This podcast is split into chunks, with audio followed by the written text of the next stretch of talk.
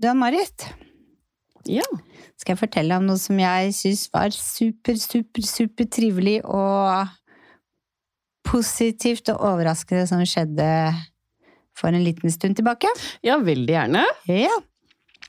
Jeg var på Viken-kurs med kollegaer og min samboer og Carl. Skulle være på hotell. Og sitter på fredag med ryggen til resepsjonen og spiser god mat. Og så hører jeg min samboer si 'Ivar'. Og så bare spretter jeg opp, løp ut i resepsjonen, jeg hoppa i jubla, nesten så jeg fikk tårer i øya. Altså, jeg blei så overraska over at eh, min og din også gode kollegaer Ivar Andreas Høgseth skulle på samme Viken-kurs som meg. For altså, vi går så langt tilbake, helt til lenge før Malin ble født. Så har vi jobba sammen. Vi jobber synkront. Kundene våre kjenner hverandre. Og så flytter han da til Holmestrand og blir borte. Og man får jo ikke treffe, selv om man kan kjøre og hilse på hverandre, så blir det ikke det samme.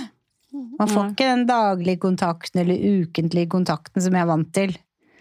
Men du visste ikke han skulle dit i det hele tatt? Nei, han visste det, han skulle overraske meg, så jeg tror nesten han blei litt sånn åh, fader at Kittil sa noe!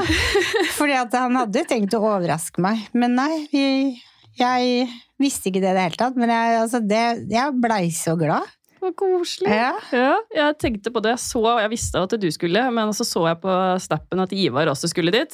Så jeg bare ah, får ikke kjent et snev av uh, misunnelse der. Ja. Ja, vi snakka varmt om det, da. ja, så hyggelig. Ja. Så nei, det var uh... Gledelig gjensyn.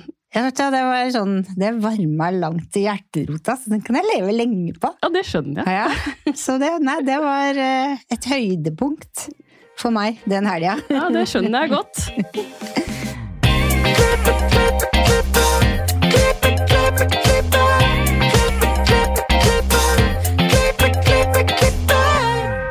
Velkommen til Hårpodden. Jeg heter Ann-Marit. Jeg heter Renate. Ja, da ble det en julespesial, var det det vi valgte å kalle det? Ja. Ja, Med bare deg og meg? ja. Ja.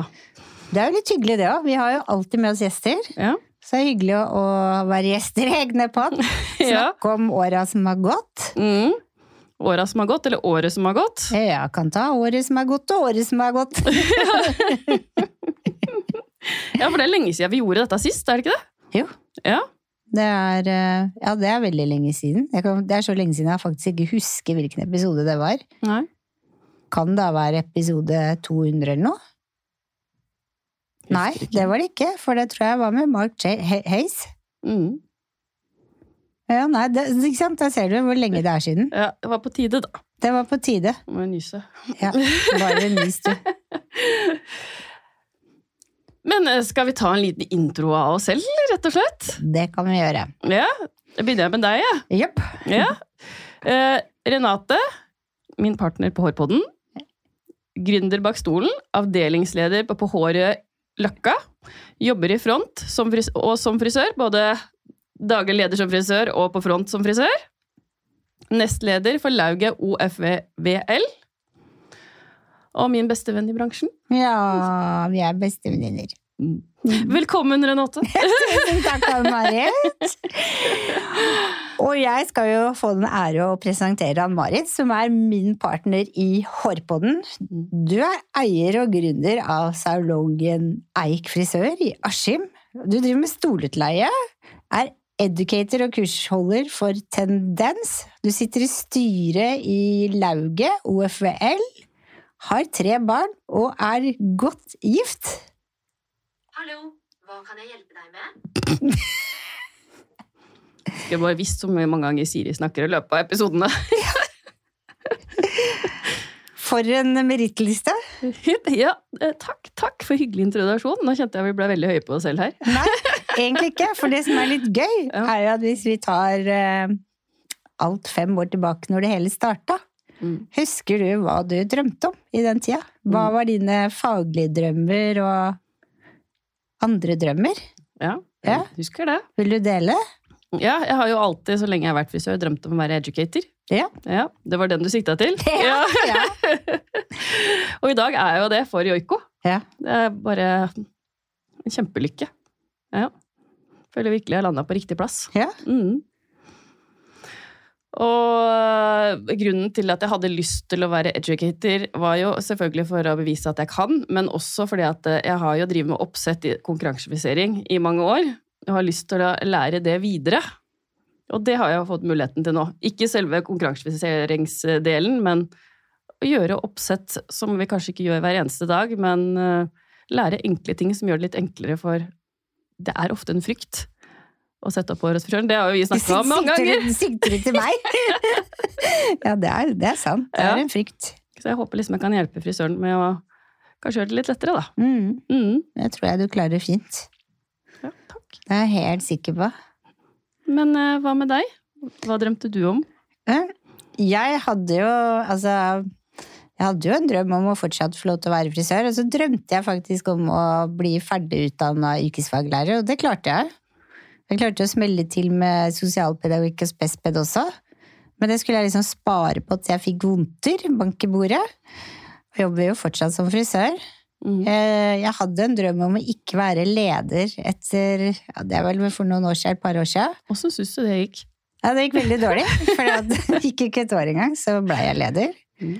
Og så hadde jeg en stor drøm om å lage en eh, konkurranse for frisører som gikk på Instagram. Som var litt à la Behind the Chairs. For Helen sendte meg en link til det, og tenkte det her må jo kunne lages. Og også fordi at alle kan være med, og at det ikke skal koste så mye å være med. Mm. Og det gjør jeg jo nå. Og så har jeg jo ikke noen sånn stor drøm om å være educator som du på samme måte, og stå på en scene og sånn. Mm. Jeg hadde en sånn skuespillerdrøm i meg, så man vet jo aldri hva, hva som skjer.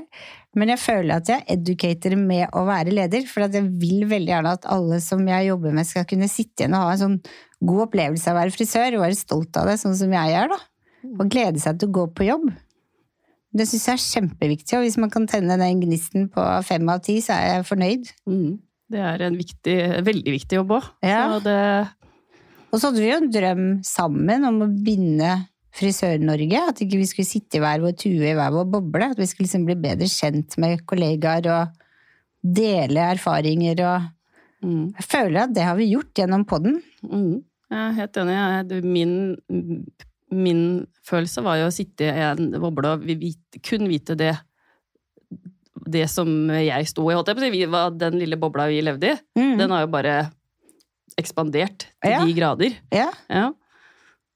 Så jeg håper jo lytterne også liksom føler det, da. ja. Mm. Og, og så tenker jeg jo også at underveis er det vi får, får jo vi får ofte spørsmål om hvor mye tjener på det, og hvor mye tjener på det. Mm. Vi, det er jo ikke sånn at vi tjener oss rike på å drive en podkast, men vi tjener oss rike på erfaringer, nettverk og inspirasjon som vi møter med alle de menneskene vi møter. Mm. Det føler jeg lønnen verdt mye mer enn penger, egentlig. Altså. Jeg er veldig enig. Jeg tror ikke jeg hadde staka salongen jeg driver i dag, hvis det ikke hadde vært for Hårpodden. Nei, ikke sant? Fordi at jeg ikke så mulighetene. Nei. Mm. Og da har du møtt mennesker som du har intervjua, som har vist deg muligheter, og vist at det kan gå an, ikke sant? Ja, Mm. Rett og slett. Så da turte jeg å ta det steget, og faktisk åpne egen salong. Mm. Det tror jeg er det lureste du har gjort. Ja, takk. Jeg, jeg føler det selv òg.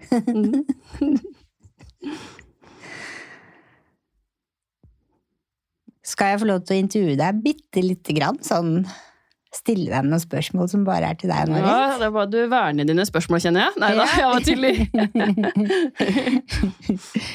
Hva syns du er det beste med å være frisør? Å ha gode samtaler med venner, som du blir, kunde blir etter hvert. Og gjøre folk fine på håret. Og det gjør jeg hver eneste dag. Tenk på det, liksom. Mm. Jeg kan ikke tenke meg noe bedre jobb enn det.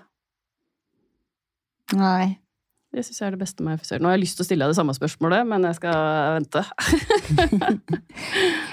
Mange lurer sikkert på, det gjør jeg også, hva er det med oppsett som gjorde at du blei så glad i akkurat den kategorien? Ja, det, når jeg valgte for konkurransefrisering, ble jeg ganske selvsagt når jeg begynte i Studio Alf. Og så var det jo enkelt å finne oppsettmodeller framfor klipp.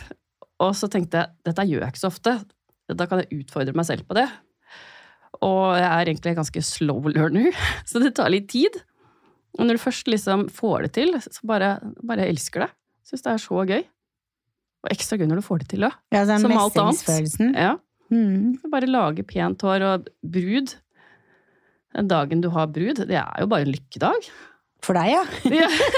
Og bruden. ja. Det er jo bare arbeids, en arbeids... eh, Å være i en sånn lykkeboble liksom, sammen med bruden, det er bare helt fantastisk.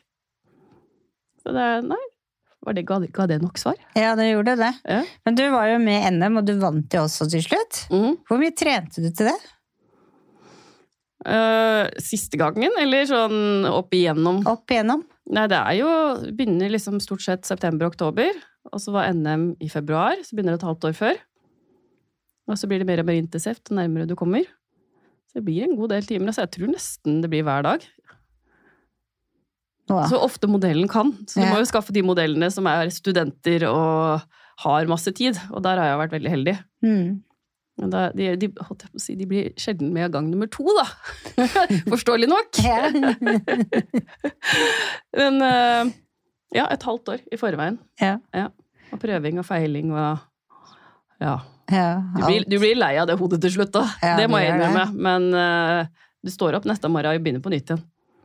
Det er jo helt vilt. Når du har bruda, hvor mye trener du da? Hvis jeg skulle ha gifta meg noen gang, eh, og kom til deg og sier at jeg vil sette opp håret, hvor mye ville du trent meg da?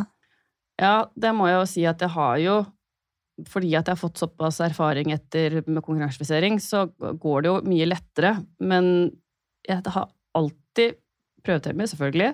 Og så øver jeg alltid på dokka før jeg har en brud.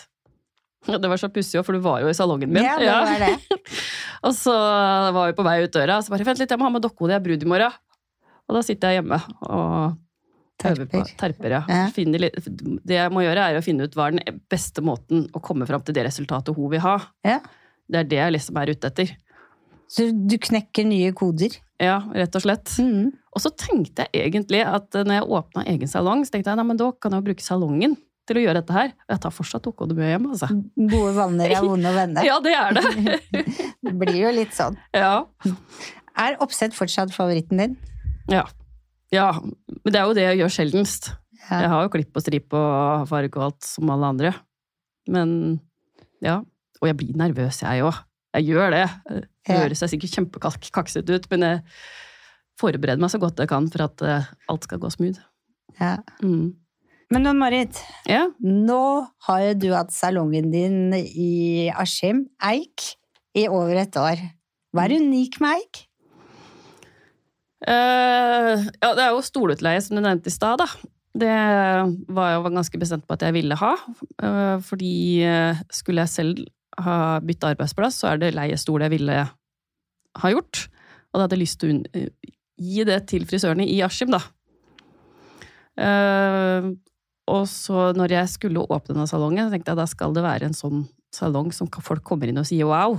Mm. At til, til og med toalettet er fint. Så det var veldig viktig for meg. Det føler jeg egentlig at jeg har fått til. Ja, det har du fått til. Ja, takk. Det er en veldig fin salong. Takk. Hva var det som gjorde at du ville gå for stolutleie, og ikke å ha ansatte? Ja, for da er jo alle sin egen herre, kan styre sin egen økonomi og egen tid. Eh, og har liksom tenkt at det kanskje det er muligheten for frisøren å tjene litt bedre. Men nå skal det sies at det er ikke stoleleie er jo ikke for alle, så vi, jeg tenker jo at vi kan ha begge deler i denne bransjen. Mm. Så må hver enkelt velge hvordan de vil ha sin arbeidshverdag, da. Mm. Men det hadde jeg ønska meg, så derfor ville jeg ha det. Ja. Mm. Og så ble du educator på The Neds. Hvordan fikk du jobben der? Ja, som jeg sa tidligere, så har jeg jo ønska å være educator lenge. Og så satt jeg en, en eller annen grunn og venta på at noen skulle ringe meg. Jeg tenkte hvorfor gjør jeg egentlig det? For kan ikke jeg ta kontakt? Så jeg ringte rett og slett Tendens og spurte om de trengte folk. Og det, det, det etter noen samtaler, så blei det der til slutt. Er det å anbefale å ikke sitte og vente? Ja, er det ikke det med alt, egentlig? jo, jo, det er det. Det er pussig åssen vi tenker, liksom. At vi bare sånn Ja, det, en dag så kommer det inn en dør og bare gir deg det du vil ha. Mm. Man må gjøre litt grep. Ja, man må det. ta tak Mm. i eget liv. Ja, rett og slett. Hvordan sjonglerer du alle dine jobber og aktiviteter med mann og tre barn? Jeg vet ikke. Nei da. uh, nei, jeg tenker jo det at eh, man får til det man vil, hvis man vil nok, som også med alt annet.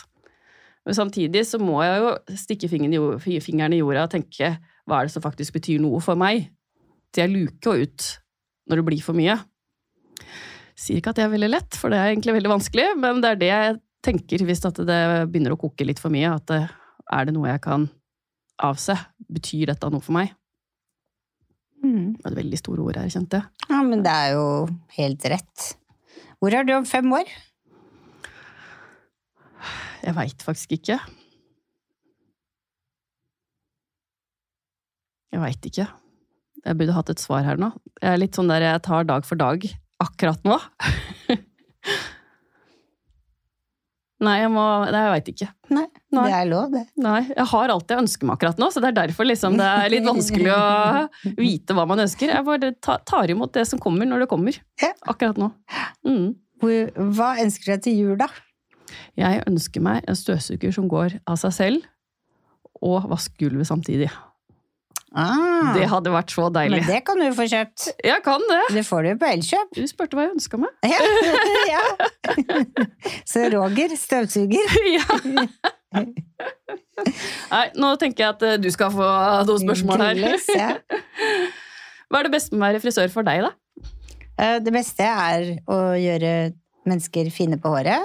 Mm. Jeg får bekreftelse på at det kan jeg, og det syns jeg er veldig godt. Og så får jeg gode relasjoner, både til kundene, eller gjestene som man kaller det òg. Mm. Sier du det? Gjester? Ja, jeg blander litt. Noen ganger så sier jeg gjester, og noen ganger så sier jeg kunder. Kommer litt an på settingen, egentlig. Ja. Så jeg prøver å venne meg til gjester, Mm. men så faller jeg litt tilbake på kunder innimellom òg. Ja. Det blir litt sånn. Og så er det gode relasjoner til kollegaene mine. Altså, jeg har jo tre sånne kjempegode bestevenninner, og to av dem har jeg fått i bransjen. Mm. Og det syns jeg er helt unikt. Mm. Og så er det den hele tida Jeg tror jeg liker å jobbe litt i stress. Mm. Kan det make sense? At jeg liksom er vant til at det går slag i slag i slag. Jeg er veldig dårlig på å gå hjem idet klokka slår ferdig. Mm. Det, jeg tror du må ha det litt i deg. Så det liker jeg egentlig. Jeg vil ikke stresse meg hjem fra jobb, liksom. Jeg må liksom lande litt sjøl og lande litt inn i salongen. ja, puste ut litt. Og... Ja. Ja. Og så er det alle mulighetene som faller i fanget. Mm. Alt jeg kan være med på.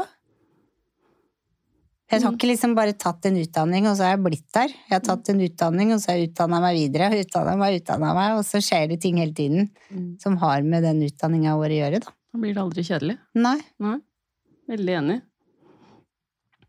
Hvorfor tok, tok du herrebrev og ikke damebrev? Jo. Hvorfor gjorde du det? Jo, det, er på grunn av den eh, konsentrasjonen som du skal ha når du driver med å sette opp hår. Jeg får litt dilla hvis ting tar for altfor lang tid. Mm. Så kan jeg synes at det blir litt kjedelig. Og så følte jeg at jeg fikk veldig mye hår i hendene når jeg drev og skulle sette opp hår. Og da tenkte jeg at vet du hva, jeg tar herrebrevet, kan fortsatt klippe damer, men da slipper jeg å drive og sette opp hår. Så da var det veldig lurt å begynne Studalf, da, som er liksom oppsettsbedrift nummer én i Norge. Så det var faktisk eh, hovedgrunnen. Det var for å prøve å slippe unna. Ja. Mm. Føler du at du slapp unna? Nei, Nei. ikke i det hele tatt. Det er klart at noen er jo mer som deg, da, interesserte. Da blir det jo helt naturlig at det er den kundegruppen du tildrar deg. Mm. Jeg vil jo kanskje ikke oppfordre mine kunder til å booke meg til, til oppsett, eksempel. Jeg vil kanskje anbefale en kollega, eller gjorde i hvert fall det før. Nå tar jeg det litt mer sjøl. Mm. Du er kjempeflink. Eh. Jeg skjønner ikke hva du stresser med i det hele tatt. Nei, det er den derre indre uroen, da. Mm. Jeg har liksom ikke kommet til de løsningene som gjør at det gjør det enklere for meg. Jeg har de lange omveiene, og da tar det lang tid. Så jeg har ikke knekt de kodene ennå. Ja. Mm. Du kan komme på kurs hos meg, Renate. Ja, det må jeg Ja. faktisk. Det har vært veldig hyggelig å ha Ja. deg der. Mm. Neste det, gang. Neste gang må jeg få bli med på det. Mm. Mm. Men du, ditt ekspertområde, favorittområde, er vel farge? Mm. Hvorfor har det blitt det? Fordi jeg var så sinnssykt dårlig på det. ja, nei, det var litt sånn at jeg hadde sånn bilder i hodet med hvordan fargen skulle se ut, eller Ja. Og så blei det liksom ikke helt sånn alltid. Jeg tror mammaen min og mange rundt meg har gått rundt med mye rare farger. Men det har jo gjort at jeg har hatt lyst til å trene på det, sånn at jeg blir bedre på det. Mm. Og så understreker det jo klipp. Og det liker jeg veldig godt. Du kan liksom lage prikken over i-en på klippen din, da. Mm. Mm. Veldig enig. Mm. Tenke Jeg liker sånn ten tan tanken på kjemi, på en måte. Mm. Mm. Ja. Hvordan er det å jobbe på Løkka? Ja, det er eh, Da har jeg liksom falt tilbake til røttene mine, fordi jeg vokste jo opp på Torshov og gikk jo på Lilleborg skole. Så sånn som Leikny, som er en av mine tre beste venninner, da, hun bodde i den gården jeg jobber i. Nei, er det sant? Ja, det er sant. Så det er seks gårder som er satt sammen, og så er det veldig sånn urbant. Det er jo, vi har jo fire høner som går i bakgården. Det er helt fantastisk. Ja, masse hunder. Det er unger som klatrer i vinduene og hilser på oss, og det er liksom det, det yrer av liv der, da, og det liker jeg. Og så er det jo det er ikke så langt hjem til Kjelsås som jeg bor nå. Mm. Så nei, det syns jeg liker å jobbe i byen Mm. og ha det livet. Og så liker jeg å ta trikken hjem, og så er det roligere. Ja, har du noen gang vurdert Skulle jeg hatt jobba på Kjelsås? Har du noen gang tenkt den tanken? Nei, jeg har ikke det. Eh, fordi at jeg er opptatt av at eh, Samboeren min har mast litt om det noen ganger, at jeg burde være mer i nærheten når det er kortere vei hjem, da. Mm. Men jeg er veldig opptatt av det med å ha noe som er mitt eget, så jeg føler at jeg må litt bort fra hjemmet mitt, sånn at det er meg. Mm. Med meg og mitt, at ikke alt blir en sånn trekant. Jeg, jeg føler at da utfordrer ikke jeg meg sjøl nok. Da Mm. blir det en sånn trygg liten base, og så blir det plutselig skummelt å ta trikken til byen. og det går ikke. Jeg må, må Ja. vekk fra hjemmet. Og det er bare 20 minutter, da. Ja, det, og det har jeg full forståelse for, at du har sånn der. Men eh, for meg så ble det Men eh, til Askim, Oslo, det er jo en hel time. Ja, det er litt annerledes. Ja. Og du har tre små barn. Mm, Jeg har Malin som er 25 og er samboer og voksen. mm.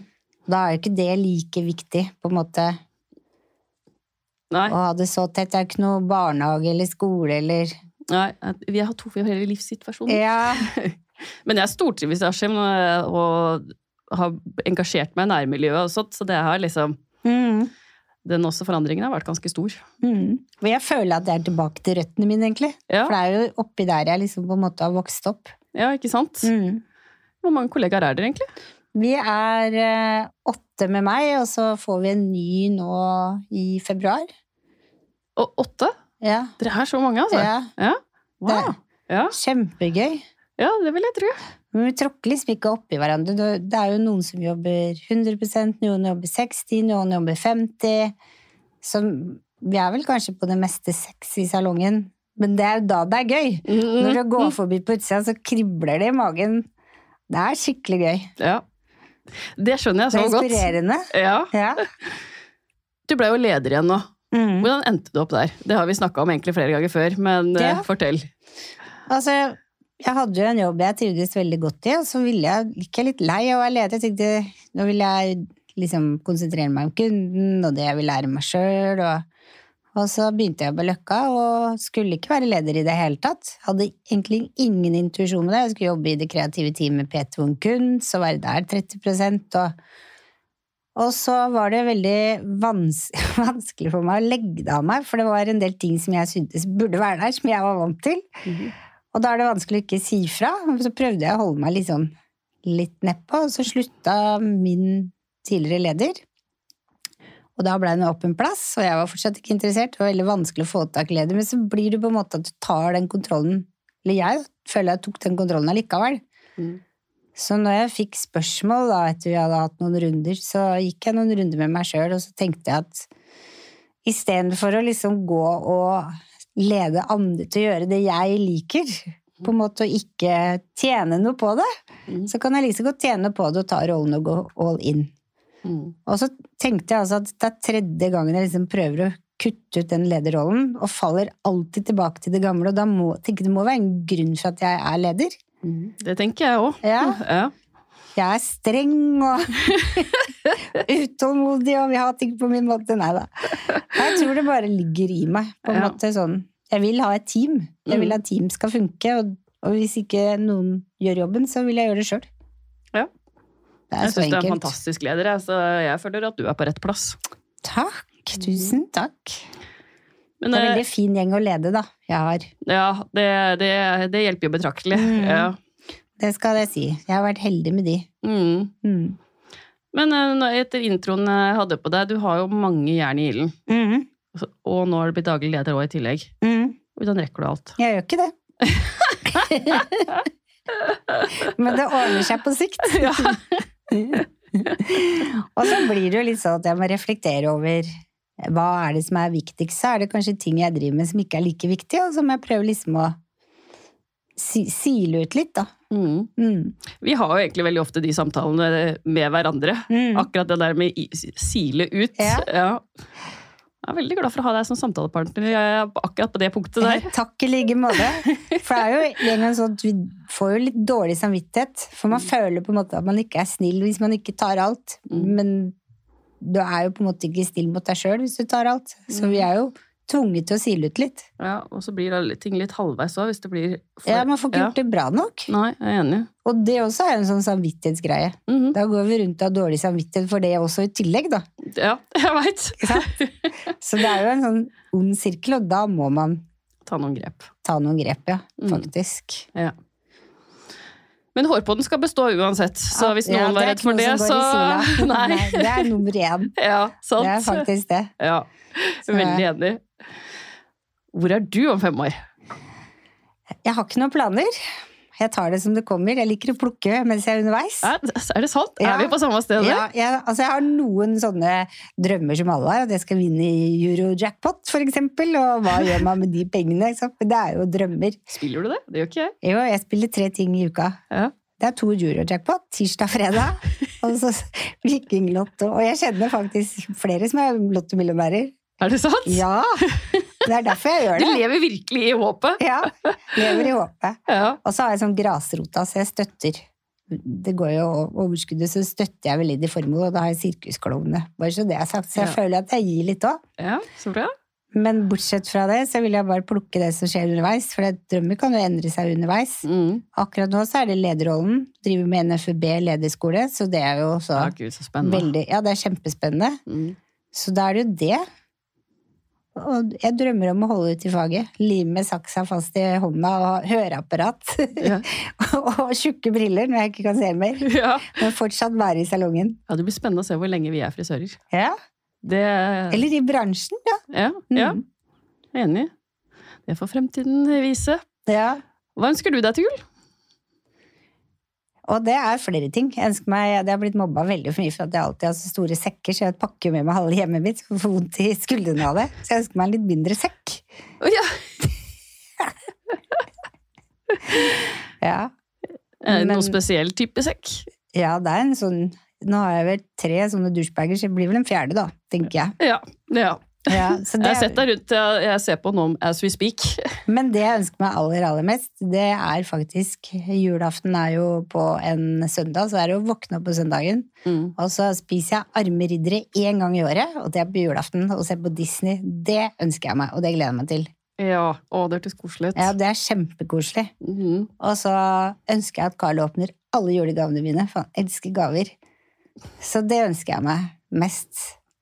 Fred, fred i sjela. Ja, rett og Og slett. Ja. Ja. Det er det jeg ønsker meg. ja. Mm. Jeg er sikker på at det kommer til å ordne seg òg. Ja. Mm. Ja, hva, hva er nytt i Hårpodden 2024? ja. Skal vi legge litt press på oss sjøl? Gud. Vi har planlagt i ett år nå, og det skjer jo. Ja. For vi har bestilt det vi trenger for å kunne gjøre det. Men vi skal jo ut på YouTube. Mm. Lage minimum én episode i måneden hvor vi får med alle bloopersene våre. Mm. For vi, er jo, vi har jo noen bloopers, og det kan være litt gøy. Alt det som skjer på forkant og underveis. Tenker vi. Ja. Det er en ny ting. ja. Ny kanal. Ny kanal. Mm. Og så har vi et par andre ting, men jeg veit ikke om vi skal snakke om. Eller om vi skal være litt hemmelige på det. Ja. Kanskje det holder med én uh, nyhet? Ja. Ja. Ja. Mm. ja. Jeg tror vi sier det. ja. Ja. Hva syns du er det beste med å drive hårpodden, Marit? Det er, vi har snakka om det allerede. Det å få lov å møte alle disse menneskene, og jeg er så overraska over hvor mange bra folk det er i denne bransjen. Mm. For det tar jo ingen ende. Det er jo nye folk hele tida. Husker du hvor vi var? Hva vi gjorde den lørdagen vi spilte inn første episode? Ja, ja. På, på grensen. Studialsgrensen. Husker du hva vi gjorde før vi kom til grensen? Drakk vin. Ja, Husker du hvor? Nei, det gjør jeg faktisk ikke. Det var ikke så langt unna. Vi var på rybekurs. Ja, det var vi! Ja. Ja. Nikola Grostic og de holdt et kurs Ja. som vi var på. Stemmer. Det var du og jeg, og så var det Monica Helstad. Så Ja. drakk vi champagne, og så spiste vi, drakk litt vin, og så spilte vi inn blanderommet på Studio Alf i Grensen. Ja, det stemmer det. Det hadde jeg faktisk glemt. Mm. Og den episoden spilte du mange ganger. Jeg er lei av å snakke om det samme. Det var Det gjør vi ikke nå lenger. det var en gøy start. Ja. Og så satte vi opp en liste med masse hårete mål. Ja, Mm. det rare er jo at vi har jo falt innom veldig mange av de måla, og så noen har kanskje endra seg litt underveis. Mm. Og det skal du gjøre. Ja. Mm. Du har fått en baby oppi der òg? En podbaby også. som heter Stella. Ja. Det var også et mål. Det, ja, absolutt. Ja. Hadde ikke så mye med hårpodden å gjøre, egentlig. Men Nei. eh, det gikk jo bra, det òg. Men du kom jo i hårpodden, og du skulle egentlig ha en vikar. Og den vikaren rakk å være innom i én episode, Ja. og så var det på Ble det ikke to? Nei, det Nei. var én. Det var én, ja. Ja. ja. Takk, Camilla, for at du steppa inn. Og det syns jeg er litt gøy. Jeg bare tenkte jeg skulle spørre deg om noe, Marit. Husker du hvor stor prosent stilling du har utenom hårbrodden, som vi snakka om her forrige dagen? Hvor mye jobber vi utenom hårpodden? Er det noe vi må si høyt? Ja. Eh, det er 130 ja. Ja. Og det er bare med det vi gjør til daglig. Mm, Mm. det er det. Og ville ikke vært foruten. Vet du hvorfor jeg syns det er viktig å snakke om? Nei.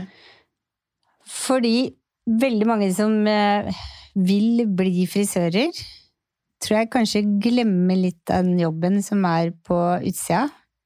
At du har en 100% stilling, så tenker man at den 100% stillingen er da begynner du da å gå hjem da. Men det er alt det som skjer på utsida, Mm. som du drar inn i deg i jobben. Som i hvert fall jeg føler, tenker du føler det samme, er viktig å dra med seg inn i jobben. Kurser, eventer. Og ikke tenke at alt ja, nå skal jeg på et event åtte timer på fredag, så da kan jeg ikke jobbe mandag, tirsdag. At man tenker at det gjør man for å fylle på. Mm. Tror du hva jeg mener? Mm, ja. Men, men når det er sagt, da, når du finner noe du virkelig liker å gjøre, Mhm. så føles det ikke ut som jobb heller. Nei, det er Du, det. det er det der liksom de 30% ekstra kommer, for at eh, ja, men dette er jo ikke jobb, dette er bare gøy. Nemlig. Ja. Og så tenker jeg at vår generasjon var jo opptatt av det. Og så tenker vi ofte at den generasjonen som er under oss, ikke er like ivrig på det.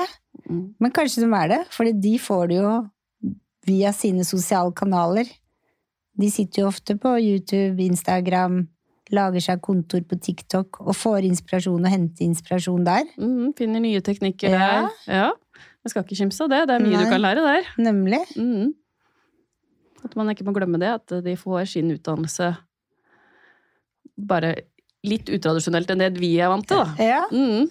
for hvis du skal bli en makeupartist, og kanskje ikke har lyst til å, å stå som assistent for andre makeupartister, så kan man jo tenke at det er helt hårreisende, for da vil du ikke lære like mye. Mm. Men kanskje mange de starter sine egne TikTok-kanaler, og sminker masse der, Mm. og har masse modeller, samtidig som de følger sine stjerner. Mm. Så det er jo en måte å Og det tar tid. Ja, og det tror jeg kanskje vi glemmer. Mm. For vi vet jo sjøl hvor lang tid det tar å lage et content, ja, ikke sant? sant. Så det tror jeg er fint å tenke på å ha den innstillinga overfor de unge. Mm. At de kanskje ikke er så giddalase som mange tror. De bare lærer på en annen måte Mm. enn vi gjorde. Ja. Det er så veldig bra sagt, Renate. Ja. Tenker på så mye dumt, vet du. Nei, det syns jeg ikke var dumt. For det får jo oss til neste spørsmål. Hva tenker vi om frisørenes framtid? Var derfor jeg ville ta det opp. Ja, Og rekrutteringsspørsmål, for det har jo vært stort i Hårboden. det har det. Det har vi nesten stilt alle om. Mm. Ja. Hva tenker du om det? Eh, Jeg tenker at det er flere som vil bli frisører enn det man tror. Jeg føler at det er litt sånn eh, som vi, Det blir som, som vi snakker, men kanskje ikke er en 100% realitet. Fordi sånn, skolene er jo fullstappa, de har jo masse søkere. Mm. Jeg får det liksom ikke helt til å stemme. Det blir litt som Skal jeg, skal jeg være motpole her? For at, Ja. eh, Mysen videregående hadde seks elever i fjor. Jeg vet ikke hvor mange det er i år, men i fjor ja, men Det er flere i år. Ja, du veit det? Jeg hadde Mysen skole på besøk på Akademiet på forrige tirsdag. Og vi hadde 28 elever fra VG1 og VG2. På- Mysen? Ja. Oi, wow! Så Mhm. bra! Mm. Og det er derfor jeg tenker at det kanskje har snudd lite grann, da. Ja, det Bitte gleder litt. meg å høre. Ja. Jeg har liksom tenkt det at, Og det har vi også snakka om flere ganger før òg. At man må snakke mer om det i ung alder. Kanskje helt ned på barneskolen. Mm. Så nå får vi se åssen det går. Men jeg har jo foreslått på skolen vår at vi kanskje skulle hatt en sånn derre Du vet man har i USA.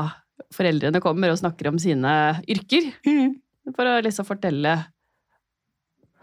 Ikke bare frisør, men snekker, brannmann, alle disse tingene her, liksom. Det er viktig. Mm. Og liksom begynne ja, i ung alder. For jeg tror nok eh, mange tenker, ser for seg at eh, Mange foreldre ser for seg at barna skal gå akademiske fag. Mm. Og så er jo ikke det for alle. Det var jo 100 det jeg ikke skulle gjøre når jeg valgte linje. Det, det var ikke allmenn, som det het den gangen. Mm. Det var det eneste jeg var helt brennsikker på. Og så da blei det jo frisør til slutt, da. Mm. Jeg er nok enig i at man skal starte mye tidligere. Det, det ser jeg på samboeren min som er kunst- og håndverkslærer. Han har fortalt meg om episoder på skolen hvor han har barn som han skal lære Når de har sløyd, da, skal lære de enkle ting som de Han kan få svar som femteklasseelev kan si at nei, men det trenger jeg ikke gjøre. For han sier du må jo kunne slå inn en spiker eller skru inn en skrue. Tenk når du skal kjøpe deg en leilighet du skal pusse opp. Nei, det trenger jeg ikke lære meg. For da bare bestiller jeg snekker sånn som pappa gjør. Ja. Det blir på en måte en utøvende raser da, hvis man ikke lærer det generasjoner. Og sånne enkle ting kan jo være hyggelig å lære seg selv. Ja. Sønnen min skal bli snekker, sier han nå. Han yeah. går jo i andre klasse. Så han, har, han sover med hammeren, faktisk. Ja, så han er veldig på den nå om dagen. Ja, mm. så hyggelig. Ja, Ja, det, da, må du, vet du, da må du gi en verktøykasse til jul. ja en sånn- sant. Ja, du, det var bra tips. Det skal jeg gjøre. Rett og slett. Ja. Var, vi var i Askim og kjøpte det, faktisk. En uh, snekker. Fordi vi hjalp eh, datteren min å flytte her. Og dem hadde ikke noe verktøy. Vi brukte en sånn skjevle til å slå en spiker med. Så vi har kjøpt der Du skal få det av Carl da til jul, så jeg håper ikke du hører den episoden her. Ja. Men det er en ganske fin sånn nybegynnerkasse med, med alt. De har masse fint der. Klasse Olsson. Mm. Ja, det er ikke langt unna. Nei. Nei. Og Biltema. Ja, Mm, ja det skal jeg søren meg gjøre. Så når jeg tenker, hva tenker du er beste måten å rekruttere på, Dan-Marit? Begynne i ung alder. Det. Mm. Mm. Du. Nei, det er jeg helt enig i. Begynne i ung alder. Mm. Helt ned i mellomtrinnet, kanskje. Mm. Faktisk. De gjorde jo det i før. Mm. Ja, jo det. De har jo det på ungdomsskolen, vet jeg. I hvert fall i Askim. Men da er det liksom Jeg må begynne før, tenker jeg. Kanskje ha sånn samarbeid med skolene, eller at skolene samarbeider med bedriftene og sender ut elever. Ikke bare skoletrøtte elever, men elever som vil oppleve mer enn skolebenken. Mm. Så de kan teste forskjellige yrker. Ja, At det er en del av skolegangen, liksom. Være en uke hos en stekker, for eksempel. Ja. Ja. Og hvis du trives med det, skal du ha en skole her en gang i uka, for eksempel. Du Mm. lærer jo matte, og Ja, absolutt. du Ja. lærer jo de fleste fag i det faget. Mm. Det gjør du. Så bra enk- tips. enkle er det beste. Mm. Ja, faktisk. Mm.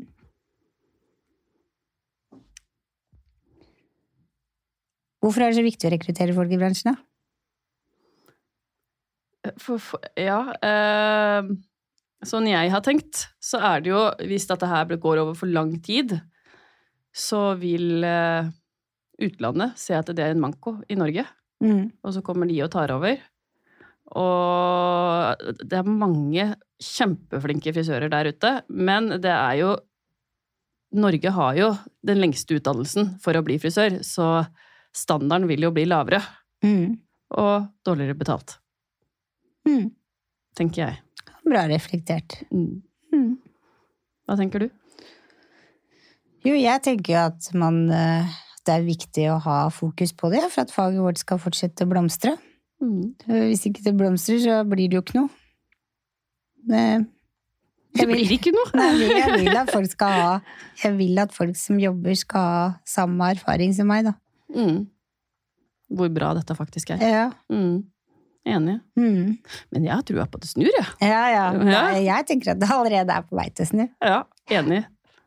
Det blir spennende å se hvor vi er om ti år. Mm. I bransjen, mener jeg. Ja. Mm. Hvem er din frisørhelt, Ann-Marit? Det vil jeg vite. Du vil vite det, ja. Mm. Det tror jeg du veit. ja, det er Sasun. Det har alltid vært Sasun. Jeg syns han er en så fantastisk historie. Og hvordan han lagde liksom eh, klippeteknikker og reisen han har hatt. Det var liksom det første liksom et, Nå har jeg fått veldig mange frisørhelter etter jeg starta den poden her. Men før det så var det den historien jeg leste cover to cover når boka hans kom, og syntes det bare var Amazing. Ja, Mm. så jeg må si han. Mm. Vidal Sasun. Jeg har til og med oppkalt katten min etter den. Ja. ja, du har faktisk det. Du. Hva med deg? Nei, selvfølgelig så har jeg jo Vidal Sassoon og måten han tenker på, og revolusjonen han skapte, Ja. liksom. mm. Ja. Men jeg kan tro kanskje den som er min største helt her, som har forma mitt liv mest, den frisøren møtte jeg allerede når jeg var tolv år og gikk og fikk økende lengder og kom hjem med hårsko med hårspray fra Svartskoff, og det er faktisk Alf Jan Fjell. ja, jeg tenkte du skulle si det. Ja. Ja. Men det tenker jeg ofte over. Altså når jeg, uansett hvor jeg er, så har jeg den best uten saks. Så markert i ryggraden med hvordan vi skal se ut, hvordan vi skal hilse, ta imot. Alle de tingene vi lærer som andre, jeg føler andre repeterer på. Mm. Det kan jeg huske helt tilbake fra før jeg fikk Malin. Mm. Og alle de tingene han gjorde for å holde oss inspirert. Er Det, han er min eh, frisørhelt, og ehm, jeg syns vel egentlig at Båres frisør så burde man ha en hedring av alle de frisørene som har gått bort. De har det på utenlandske show. Mm. De som har gjort noe for bransjen, la dem liksom få en sånn stjerne med noen filmer som beskriver reisen deres Mm. under middagen. Det syns jeg er på sin plass. Mm. Veldig enig. Ja. Veldig fint sagt. Og jeg kunne ikke vært mer enig. Jeg hadde jo ikke vært der jeg hadde vært i dag hvis det ikke hadde vært for Alf og Studio Alf. Mm, Det har for, forma meg som frisør òg. ja, 100% For det er jo det derre Ikke bare det, den servicebiten som er best uten saks, men det er den mentaliteten, hvordan du skal tenke mm. på andre mennesker, hvordan du skal ta imot andre mennesker, mm. hvordan du skal strekke deg for andre mennesker. Det er hele pakka. mm. Som jeg tar som en selvfølge, men som jeg merker at ikke alle andre har. Ja, ja, sant. Og konkurransefisering, som jeg snakka om i stad, som har gjort at eh, jeg har fått den forkjærligheten. Hadde ikke jeg begynt i Studie Alf hos Alf Johan Fjell, så hadde ikke jeg begynt med konkurransefisering. Nei. For der var det et miljø for det. Og han har jo også vært med og trent og sett på mine oppsett, og ja, evig takknemlig for at det var akkurat der jeg begynte den gangen. Mm. Og der kan jeg si, jeg konkurrerte jo aldri, men jeg veit at han var helt unik, for i konkurransebransjen de deler jo ikke triksene sine, og han delte alt. Ja, jeg vet. Så, Mm. Og det har jo vi. Sharing is caring har vi alltid fått inn med teskje. Ja. Og det sitter. Mm. Det er tro mot det.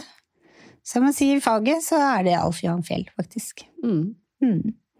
Bra valg. Veldig bra valg. Mm. Kan jeg spørre deg om en liten ting til?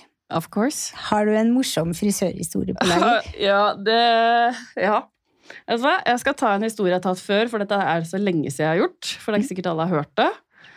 Eh, Jeg hadde en kunde som jeg skulle lysfarge, og så ha- blei det ofte veldig varmt. Jeg tenkte at nå skal jeg knekke de der oransje-røde pigmentene. Så jeg dundra på med grønn mikston og tenkte at nå skal jeg virkelig knekke det. Uh, skyller i vasken. Mørkegrønt. Hun skulle bli blond. Hva gjorde du da? Og hun merka jo på meg at jeg blei stille. Jeg bare, har det skjedd noe? Så jeg bare, ja, ehm, jeg tenkte jeg må bare fjerne litt pigmenter her. Så tok jeg en bloddårvask. ja det hjalp jo ikke det. Så jeg måtte jo helbleike henne til slutt. Uff a meg. Det er bra, da. Så eh, vær forsiktig med mikston. Mm, ja. Men, men det ble god stemning etterpå, for jeg, gikk forbi i salongen, for det var fast av salongen. Og så hører jeg henne snakke til sin frisør mens jeg farer forbi. Bare, ja, bare pass på ikke gjør det grønt! Ja. Og så begynte hun å le, da. ja. Så hun tok den. Ja, hun gjorde det. Ja. Har du en morsom historie å dele? Ja, jeg kan ta en kjapp en. Jeg knekte koden på um, hvordan man gjør hettestriper. Det gjør vi jo ikke lenger, men hvordan man får inn mange sånne løkker på én kam, eller én sånn krok, og bare drar opp. Og Mm. lager mønster. Mm. Og sto, jeg var lærling på Alex frisør og sto og hekla, og det var kjempegøy og bare fikk til. Og det gikk kjempefort, det var, og fin størrelse på alle, og tenkte wow. Og så kommer mesteren min Roberto til meg og så sier han, du kan jeg få to år, og så tar han meg på bakrommet og så sier han du må se for kunden din blør.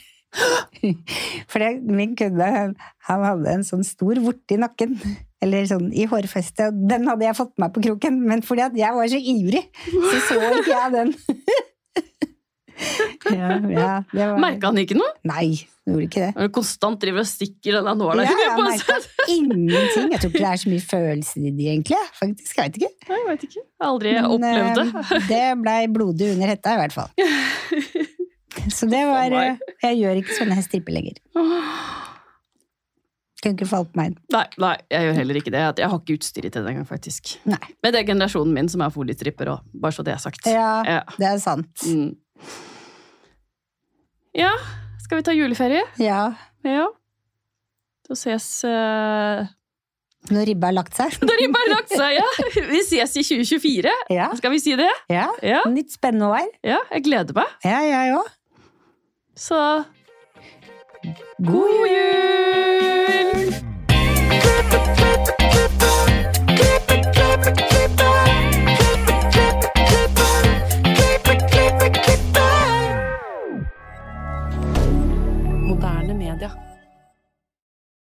Har du et enkeltpersonforetak eller en liten bedrift? Da er du sikkert lei av å høre meg snakke om hvor enkelt det er med kvitteringer og bilag i fiken, så vi eh, gir oss her, vi.